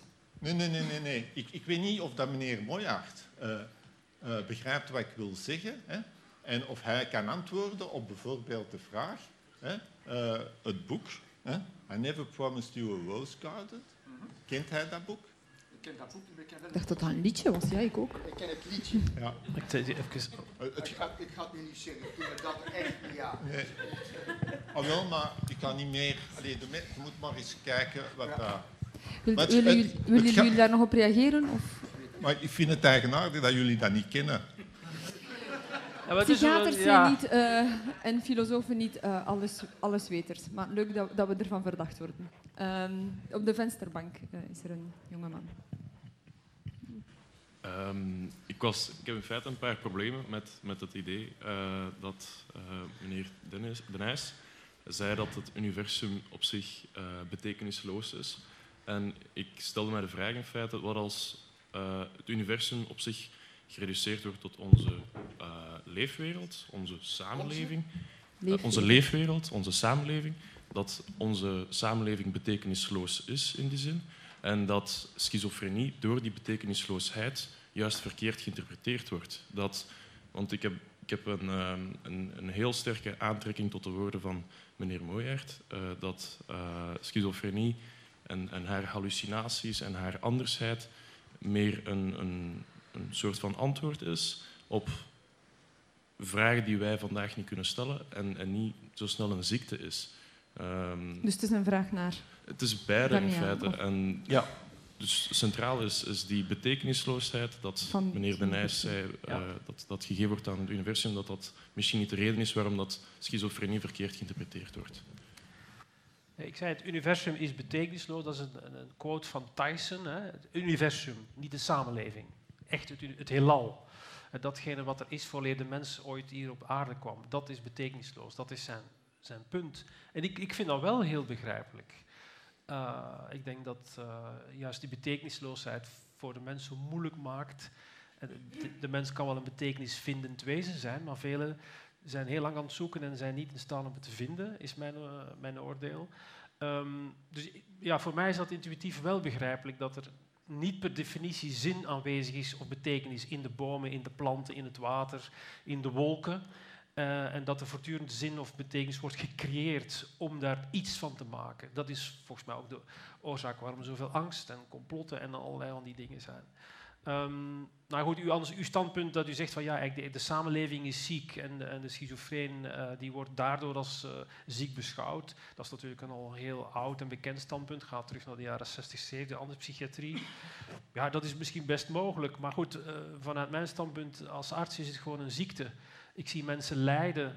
En er zijn sommige fases waar het soms heel erudiet klinkt en geniaal is. Maar ik moet zeggen dat mensen die lang schizofreen zijn, toch wel dikwijls verzanden in, in een cognitief deficit en ellenlang lijden, affectarm uh, zijn, moeilijke relaties kunnen aangaan. En uh, de mensen die ik spreek en ook de ouders die ik spreek, die zien dat niet als een soort van ultieme vorm van bizarre genialiteit.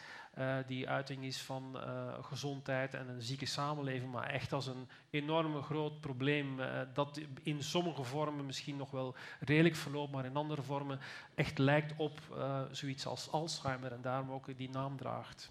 Wilt u nog iets toevoegen of gaan we naar de volgende vraag? Juist, ik, ik, ik um, als ik zeg, ik volmondig eens met, met, met wat Damiaan zegt, hè, maar ik zeg dat het wanen en hallucinaties een soort oplossing zou kunnen zijn, eh, dan bedoel ik daarmee hele, geen spectaculaire zaken, weet je. Maar een hallucinatie is al een soort fruitwendiging. Een fruitwendiging van wat je anders helemaal van binnenuit bestookt.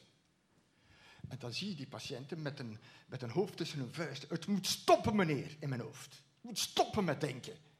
Ze denken, ze lijden niet aan inhouden, maar dat moet stoppen. Wel, als je daar al dat kan concentreren in een hallucinatie, ben je beter af. Zo'n eenvoudige dingen bedoel ik. Niet dat ze dan diepere inzichten hebben, maar dat is een, een klein scheiding aanbrengen tussen binnen en buiten. Bij de waan het even, ligt het meer voor de hand. Meer voor de hand van zodra dat je datgene wat je bestookt aan iemand kan toeschrijven, een vijand, zodra dat je daar wat orde kan in aanbrengen. En ik vind dat de term die ik wat gemist heb bij Damiaan. Ik zou niet alles inzetten op betekenis, maar ook de noodzaak van een zekere ordening. Dan kan je een waan zien als een manier om orde te scheppen, die weliswaar niet de orde is die we met elkaar delen.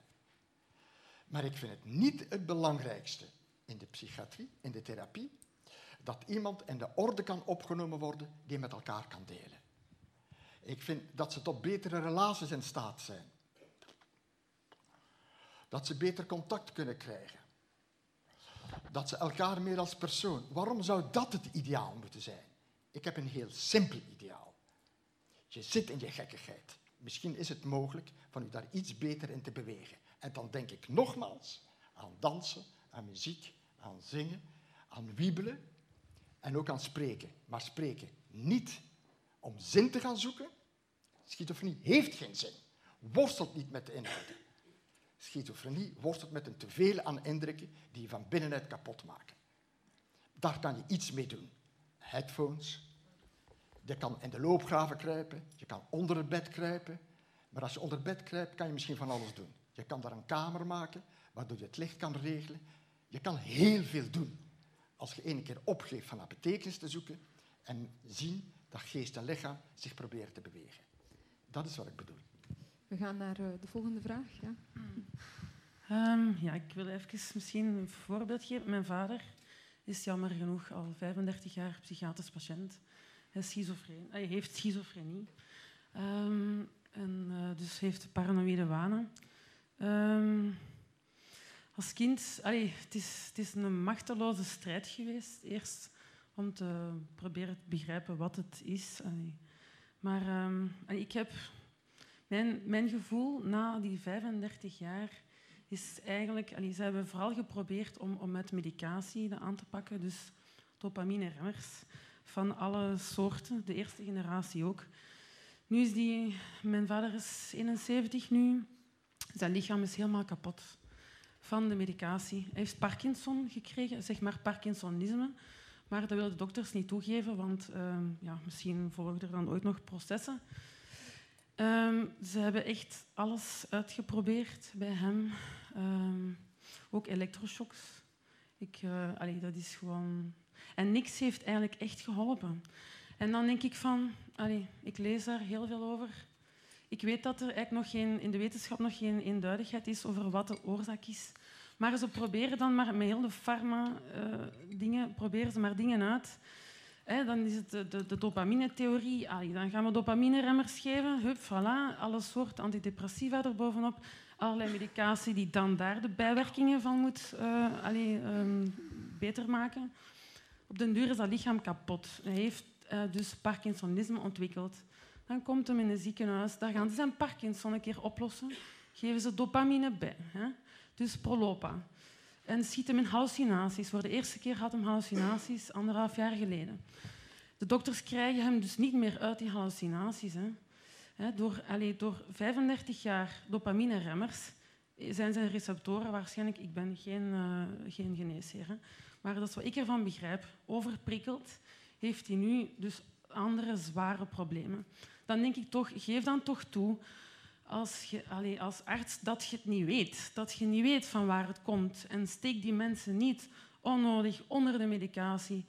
Uh, het doet soms meer slecht dan goed.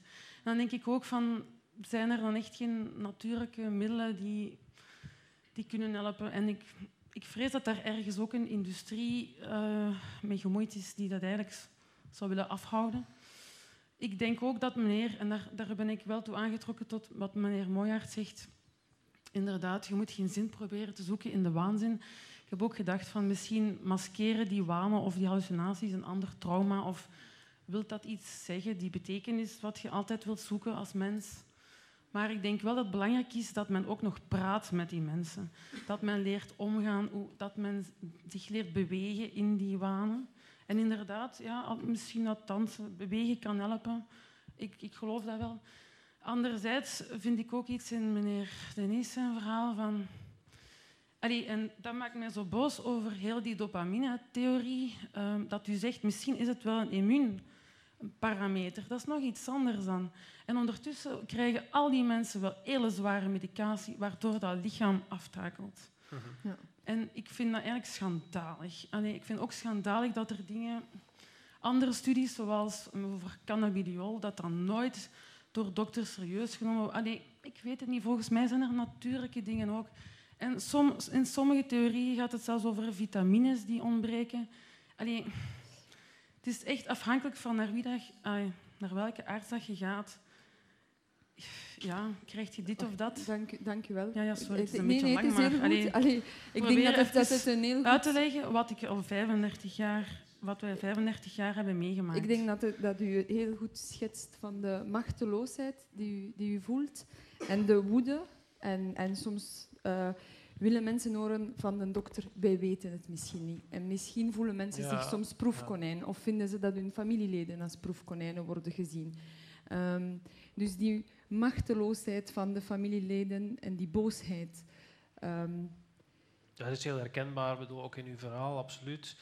Uh, kijk, ja, ik, ik, denk dat men het niet weet. Ik bedoel, we moeten niet ingewikkeld over doen. Niemand weet hoe schizofrenie ontstaat. Uh, we weten alleen dat er enorme genetische belasting is. Hè. Dat is die 80%, dat is extreem.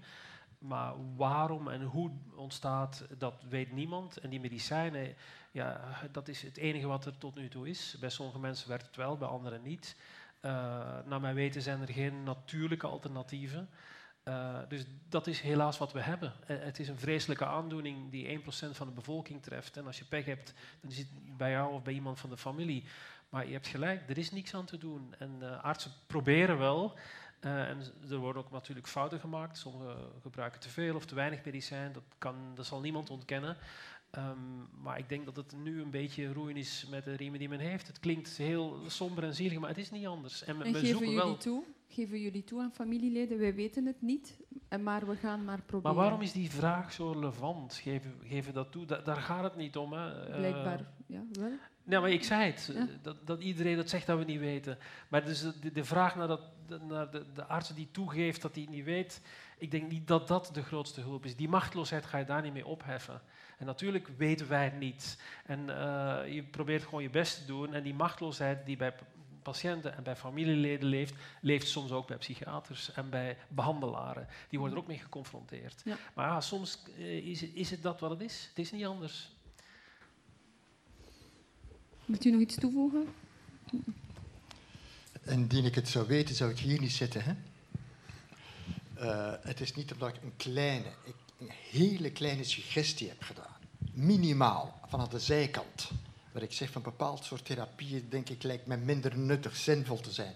Het is niet dat, indien u, de artsen, dat geweten wat ik nu gezegd heb, dat u in de problemen niet had gezeten. Alsjeblieft, schrijf mij die macht niet toe. Uh, wel zou ik aan uw verhaal willen koppelen. Ik hoop wel dat de neurowetenschappen nog meer onderzoek zal doen. En ik hoop dat ze medicatie zal vinden die minder nadelige effecten heeft dan er nu het geval is. En dat vind ik wel jammer. Ik heb de indruk, maar ik kan mij vergissen, dat een onderzoek naar neuroleptica nu ten koste gaat van andere ziekten die meer in de mode zijn, die meer aandacht vragen, dementie en Alzheimer. Terwijl het is algemeen geweten, een van de grote problemen met de neuroleptica is die bijwerkingen en dat men gaandeweg het lichaam kapot maakt, dat is bekend. Wel, zoek dan toch verdomme naar neuroleptica met minder nadelen. Dus ik zou dus niet, zoals sommigen zeggen, stop met die medicatie. Nee, verdomme. En die angst moet er niet te leven zijn. En die schizofrene angst niet te leven vallen. Dus die, er is medicatie nodig. Alleen zou ik wel hopen, graag beter. Ik zie daar een vraag. Ja, uh, Ik ben de twee sprekers ik heel hartelijk bedanken voor het, uh, de, de, ideeën die we gekregen hebben. Maar er is een micro? Soms krijg ik dan toch het gevoel dat we wat in een polarisatie terechtkomen.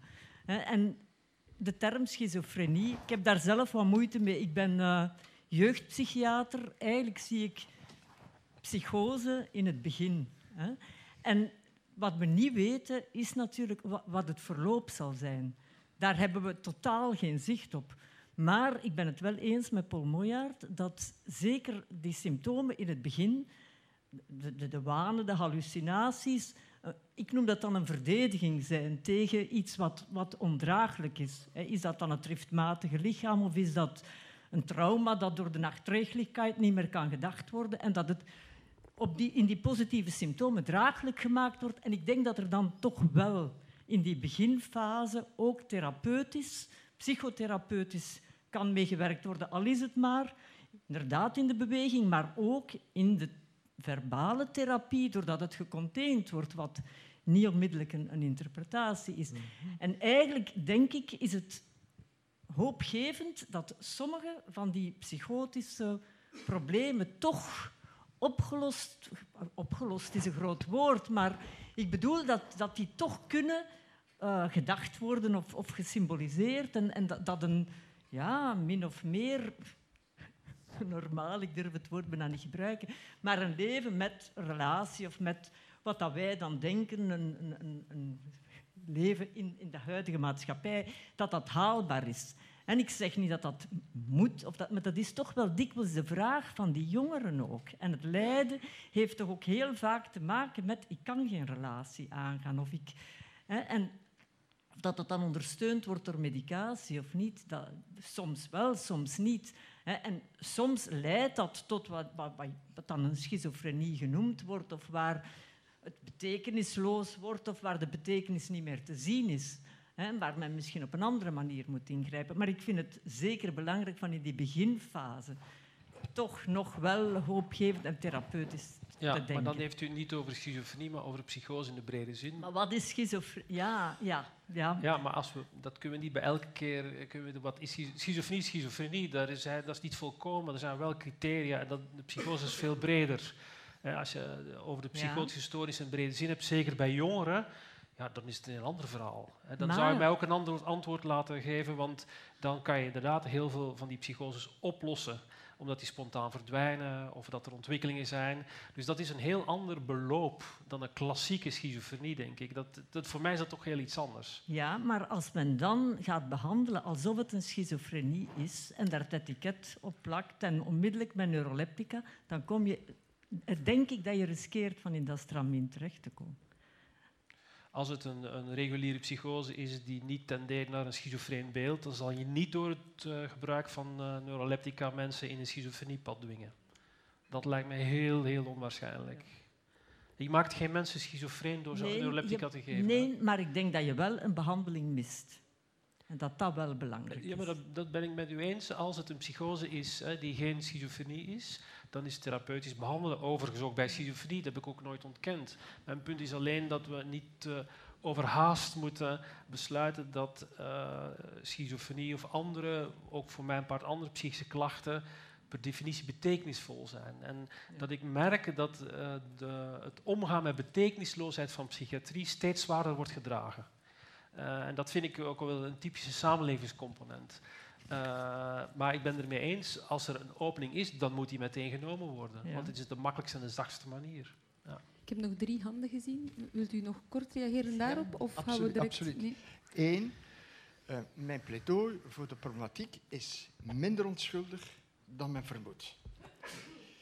Um, het is toch ook de, de bereidheid om, wanneer men de term gebruikt, niet te doen alsof we weten waarover we het hebben.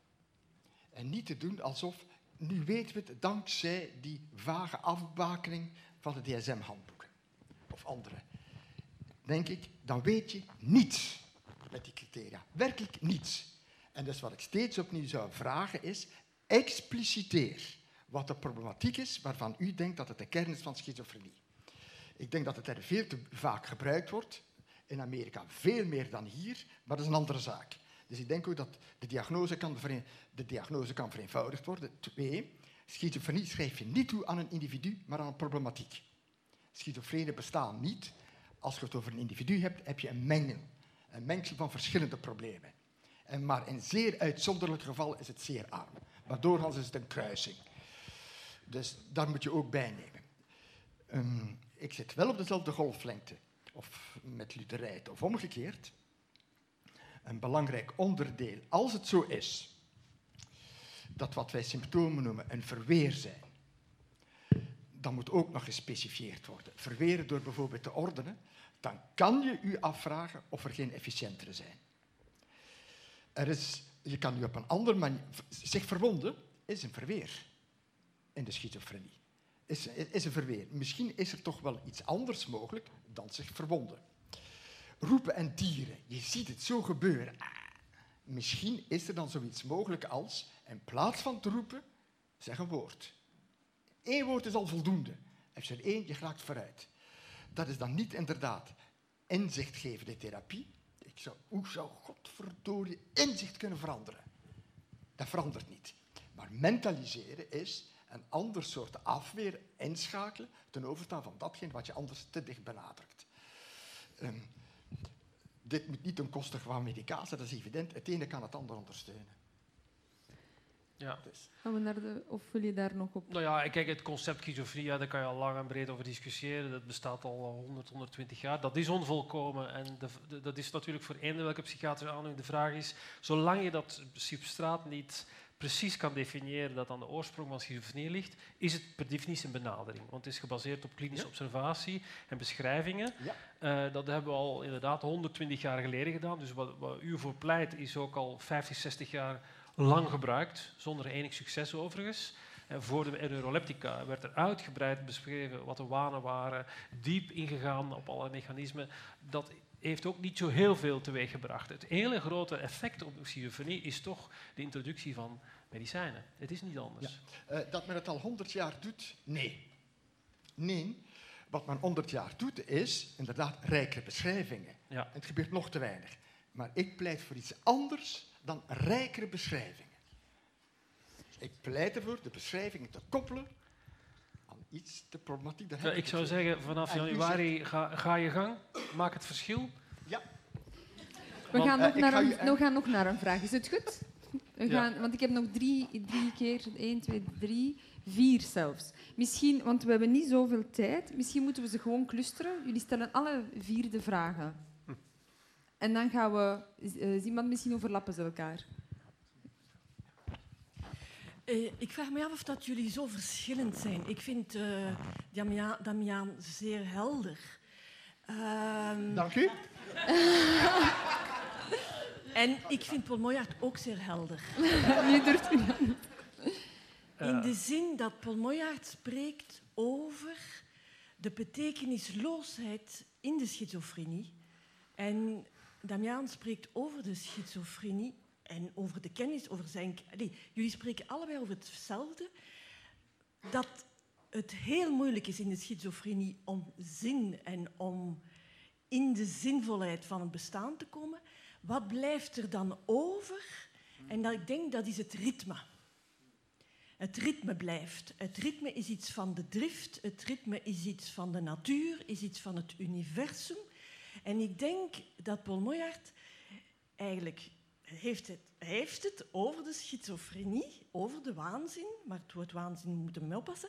Maar in de schizofrenie, wat blijft er over? Het ritme, het, bewegen, het wiebelen, het, het, het, uh, het, uh, ja, het heel archaïsche dat je ook in het heelal vindt. En dus, wat kunnen we dan doen met onze weinige middelen en met moeilijke medicatie, is dat ritme, dat daar, het plezier dat daar toch nog in te vinden is, dat groter maken. Dank u wel. Wacht, hè, dus we gaan dat ritme meenemen als er daar straks iemand wil op reageren, maar ik zag al knikken, dus uh, ik denk dat er instemming is uh, met de samenvatting. Dan daar van achter is er uh, een vrouw. Dankjewel. Uh, meneer Nijs, um, u had de, de, vraag naar filosofen om normaal te explitis explitiseren, of toch wel te verduidelijken, um, om dan, uh, omdat het ethisch, economisch, juridisch verantwoord is. Um, maar wat doet je dan eigenlijk met de mensen die, die lijden, psychisch lijden, en dan naar hulpverleners komen met een hulpvraag, maar dan niet binnen die normaal vallen? Of, of binnen die normaal vallen, maar eigenlijk wel nog altijd het gevoel hebben, want dat is een heel persoonlijk gevoel, dat ze aan het lijden zijn. Is het dan wel ethisch verantwoord om die hulpvraag, ja, eigenlijk ook als samenleving, want we hebben dan als samenleving bepaald, het is normaal, uh, om die dan stop te zetten, die geen uh, medische hulp te bieden? Mm -hmm. Is dat verantwoord? En daaraan gekoppeld, word je dan niet als persoon die psychisch lijdt of die ja, vindt dat ze last ondervindt of dat ze last ondervinden, geduwd naar de hulpverlening, omdat juist de samenleving eist dat we attesten hebben, dat we het kunnen bewijzen, om aan onze universiteit, aan ons werk te kunnen tonen van kijk, oei, het, het lukt hier niet. Moeten we dan niet meer naar een tolerantere samenleving gaan voor... Mm -hmm. Allee, houdt was steek. Dus dat was een beetje mijn vraag. Ja, over, okay. Hoe is die verhouding tussen lijden en normaliteit? Oké, okay, we, zullen, we zullen die twee nemen en dan nog de twee laatste. Dus nu die twee nemen van ritme en normaliteit. Wat? Mijn vraag sluit wel aan direct Oké, okay, dan gaan we die vraag, want het sluit direct aan op een andere vraag. Dan gaan we dat moeten doen. Dus u had het inderdaad over uh, de norm en het, het normale, het, uh, het abnormale enerzijds besprak u van uh, de samenleving stelt steeds meer eisen uh, aan een, een, ideaalbeeld wat bijna samenvalt met de norm en met het normale. Anderzijds had u het over de individuen uh, die met een leidensdruk zitten en zeggen dit is niet meer normaal. En daar komt dan ook nog de, de arts bij die moet besluiten van gaat het hier om een ziektebeeld. En mijn vraag was van kunt u toelichten wie nou uiteindelijk in die drie gaat over de norm en het abnormale. Ja. ja Mag ik nu wel iets zeggen? Ja, nu mag ik iets zeggen. Want eventjes op beide... Uh, kijk, um, uh, het is niet wij die beslissen wat normaal en abnormaal is. Hè. Dat, de, de, samenleving moet dat in een bepaald opzicht doen, denk ik. Uh, mijn punt is alleen dat... het is heel pragmatisch. Er is, het is geen grote ideologie of bewering, of het is niet, zeker niet filosofisch. Het is puur pragmatisch. Er is gewoon uh, een, een, beperkte hoeveelheid geld waar je mensen moet mee behandelen die ziek zijn. Mijn observatie is nu dat in Nederland door verkeerde beslissingen een overgroot deel van de mensen die behandeld worden eigenlijk niet echt heel ziek zijn, waardoor dat mensen die zeer ziek zijn, anorexia nervosa, schizofrenie, gewoon op straat leven. Niet terecht kunnen in de reguliere zorg. Er zijn enorme wachtlijsten voor mensen die zeer, zeer ziek zijn. Omdat op een onterechte manier, naar mijn gevoel, mensen die minder ziek zijn, een stukje van die korf van dat geld gewoon voor hun rekening nemen. Dat is mijn enige aanklacht. Als een maatschappij zegt, wij hebben zoveel geld dat wij iedereen wil behandelen, die 40% die beweert dat hij psychisch ziek is, nou, doe dat dan maar. Dat is een samenlevingsbeslissing. Maar zoals ik het nu zie, wordt het steeds erger en is dat geld gewoon beperkt en moet je een keuze maken. En mijn punt is, als je een keuze maakt, en dat zeg ik hè, als arts, als psychiater, en je hebt daar 13 jaar voor gestudeerd, dan ben je verplicht om je bezig te houden met mensen die heel ernstig ziek zijn. Wat er dan met die andere mensen gebeurt, is absoluut geen ontkenning van uw lijden of van de ernst van uw lijden. Maar dat is niet een vraag voor ons artsen, dat is een vraag voor de samenleving. Wat wil je daarmee doen? Wil je de psychotherapie toch laten eh, betalen? Wil je dat daar uh, alternatieve therapieën voor worden voorzien? Wil je dat mensen een stukje zelf betalen? Dat is voor, naar mijn gevoel een samenlevingsprobleem. Ik weet niet of dat ook een antwoord is op uw vraag of niet. Wat was uw vraag weer al? Ja. Nou, wie bepaalt de, dat, het is niet één instantie die de norm bepaalt. Dat is het ingewikkelde.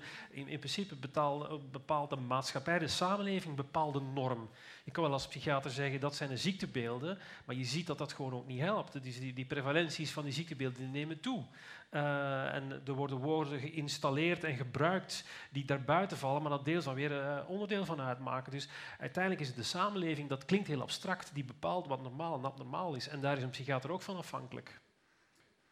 Maar mijn mening heel concreet is dat ik, vind ik, nogmaals, uh, met die opleiding, die achtergrond, die heel veel geld kost aan de samenleving, nogmaals heel pragmatisch, mij moet focussen op die 6, 7 procent. Dat is die constante groep die in elke samenleving, in elk tijdperk, in elke geografische ruimte, of dat nu Amerika is of weet ik veel, dat die 6, 7 procent die continu ziek is, dat we ons daar moeten om bekommeren. Dat is mijn mening.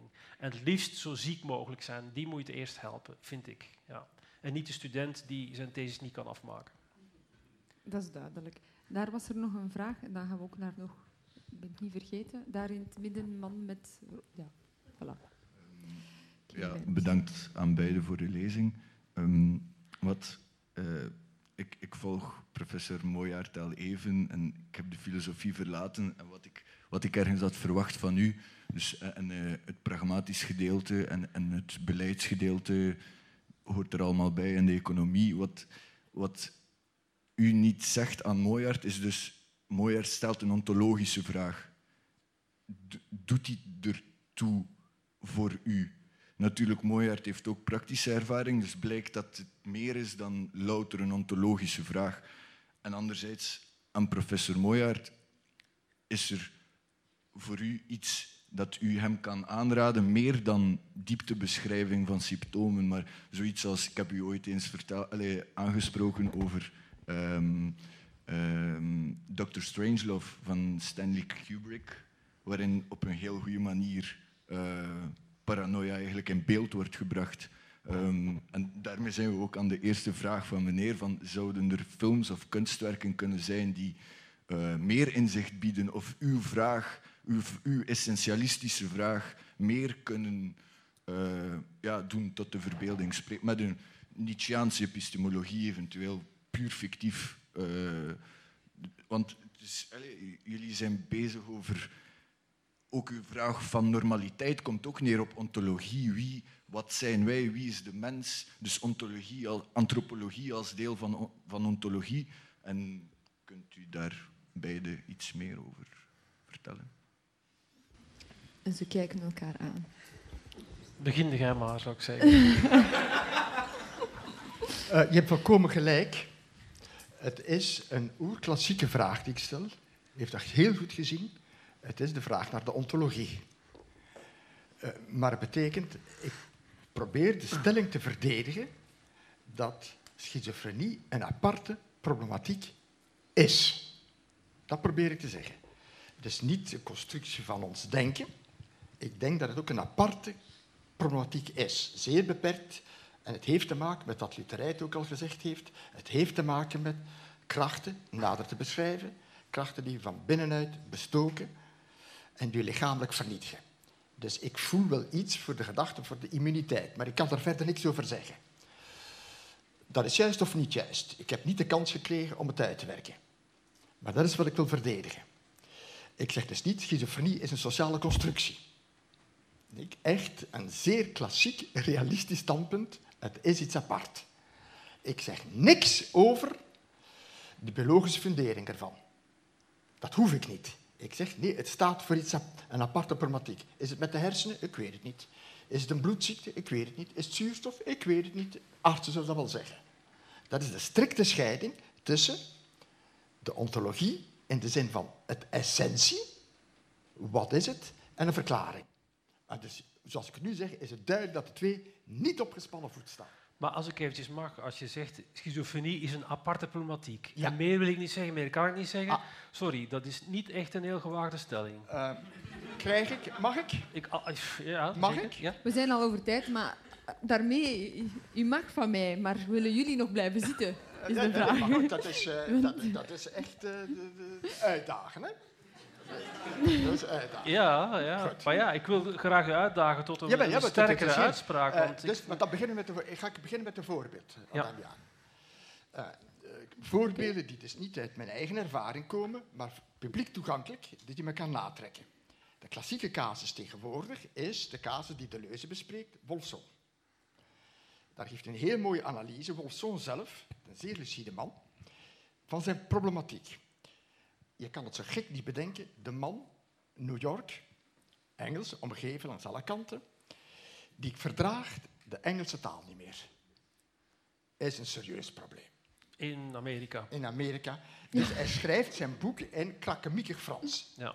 En hij beschrijft hoe die klanken in hem binnendringen, hem kapot maken. Hij kan dan niet meer denken. Mhm. En hij ontwikkelt allerhande strategieën. Het is fascinerend. Strategieën om het Engels te bezweren, te bedwingen.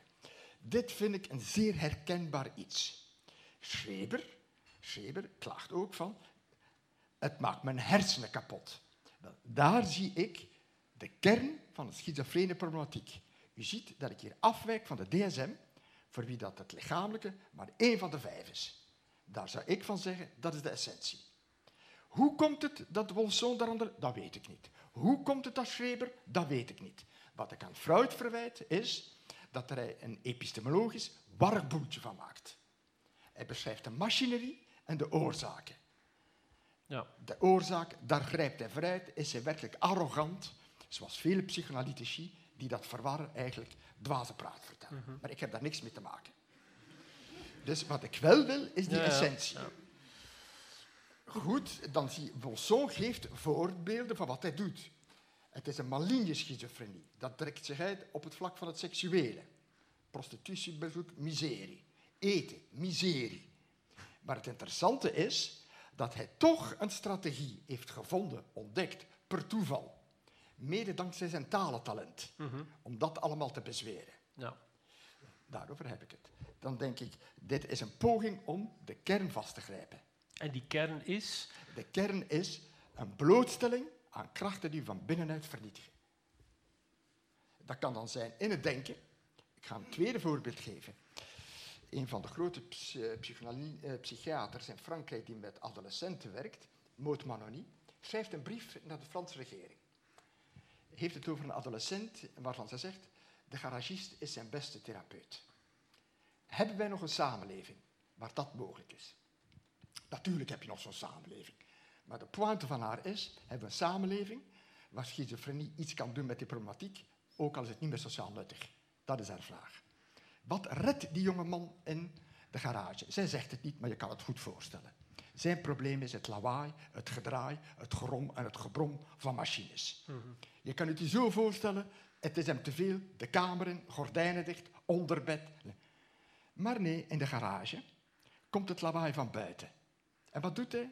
Hij draait en pivoteert met dat lawaai. Een vijs vast, eronder, in de motorkap. Dat heeft iets te maken met het ritme. Opnieuw heb je een schizofrene problematiek. Er komt te veel binnen, een blootstelling die je lichamelijk kapot maakt. Wel, ik zou ervoor pleiten. Daar moeten we naar zoeken. Oorzaken, doe maar dat, Damian. U heeft daar geld voor. Heeft Ja, onderzoekers. helaas niet, maar goed. eh. En dan, zoek dat maar. Maar, Maar goed, onder- maar als ik het goed begrijp, zeg je, ik, heb, ik maak een iets nauwkeuriger filologische beschrijving, Waar die toch nog in een heel abstracte term wordt uitgedrukt, Ja, want krachten die me van binnen kapot Ja, maken, ja. ja. daar, daar, dat kan je, met alle respect, filosofisch misschien veel mee, maar in, in een klassiek vak eh, waar je gewoon mensen moet behandelen en beoordelen, is dat een een zeer vak, abstracte benadering. Maar eh. ik heb je al eerder gezegd, Damiaan, u bent na uw briljante studies in filosofie op het verkeerde pad gegaan. Ja, ja, dat zal het. Dat is niet het moraal van het verhaal. Ja. Dat is niet het slot van de, van de avond. Ehm, eh, voor we gaan bedanken, wil je nog reageren op dat ritme? Want eigenlijk zat het een deel in uw laatste eh, antwoord eh, verweven. Ik ga eh, beginnen met de twee heren naast mij te bedanken voor hun rijke bijdrage. Ik hoop dat we allemaal, eh, ik alvast zeker, onze gedachten gespijsd zijn en veel vragen gesteld zijn. We met meer vragen naar huis gaan. En dat betekent dat het een goede avond was. Ehm, dus ik wil beginnen met de twee heren te bedanken. En dan wil ik ook jullie bedanken voor zo aandachtig te, eh, te luisteren. En ook voor de heel goede vragen, participatie. En dat we gewoon over tijd zijn kunnen gaan eh, met een gewoon gespannen spanningsboog. Dus eh, dank u wel allemaal.